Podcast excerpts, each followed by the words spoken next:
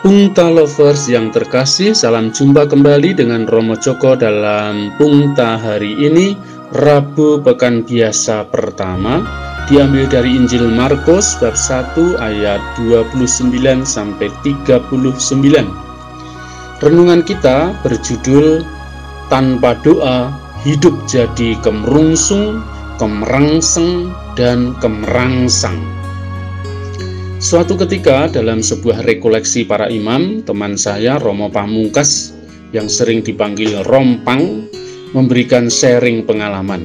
Dia berkata, doa dan karya itu menjadi satu kesatuan. Saya berdoa di mana saja dan kapan saja, juga saat melakukan aktivitas. Sering misalnya sambil bersepeda motor dalam perjalanan jauh dari Ketapang ke pelosok pedalaman, saya dermimil berdoa Salam Maria, Rosario. Pokoknya selalu menggunakan waktu berdoa. Selain mohon kesempatan dalam perjalanan, juga untuk mengusir kebosanan dan rasa kantuk di jalan.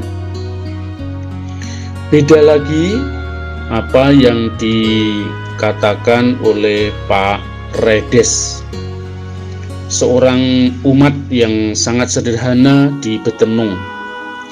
Sebelum memulai noreh getah karet di ladangnya, dia selalu berdoa.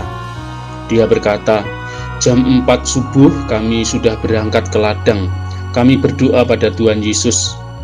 Bahkan dia cerita sambil menggores pohon karet, saya membayangkan seperti serdadu yang menusuk lambung Yesus sehingga keluar darah dan air. Saya berdoa semoga getah karet ini menjadi berkah bagi kehidupan keluarga kami, sebagaimana darah Kristus menjadi sumber keselamatan bagi semua orang. Pungta lovers yang terkasih, dalam Injil hari ini kita membaca bagaimana Yesus sibuk melayani banyak orang ia menyembuhkan ibu mertua Simon yang sakit demam. Menjelang malam, banyak orang sakit datang dan disembuhkan. Ia juga mengusir banyak orang yang kerasukan setan. Kiranya ia bekerja sepanjang malam. Setelah seharian, ia mengajar mereka di rumah ibadat. Kesibukan Yesus sangat padat, namun ia tidak melalaikan doa untuk berbicara dengan Bapa. Keesokan harinya, waktu hari masih gelap, Yesus bangun dan pergi keluar. Ia pergi ke tempat yang sunyi dan berdoa di sana. Keseimbangan hidup membuat orang merasa nyaman dan bahagia. Keseimbangan antara doa dan karya membuat hidup mengalir penuh berkat. Hatinya jenjem, adem ayem, lan tentrem. Keseimbangan antara doa dan karya membuat tindakan kita tidak kemerungsung atau terburu-buru. Kalau kita terburu-buru, sering hati kita menjadi kemerengseng, cepat marah, emosi, panas. Hidup tanpa doa membuat kita menjadi kemerangsang, eh, ngoyo, terlalu mengejar hal-hal yang duniawi, jadi hidup merasa tidak seimbang, tidak tentram, tidak bahagia.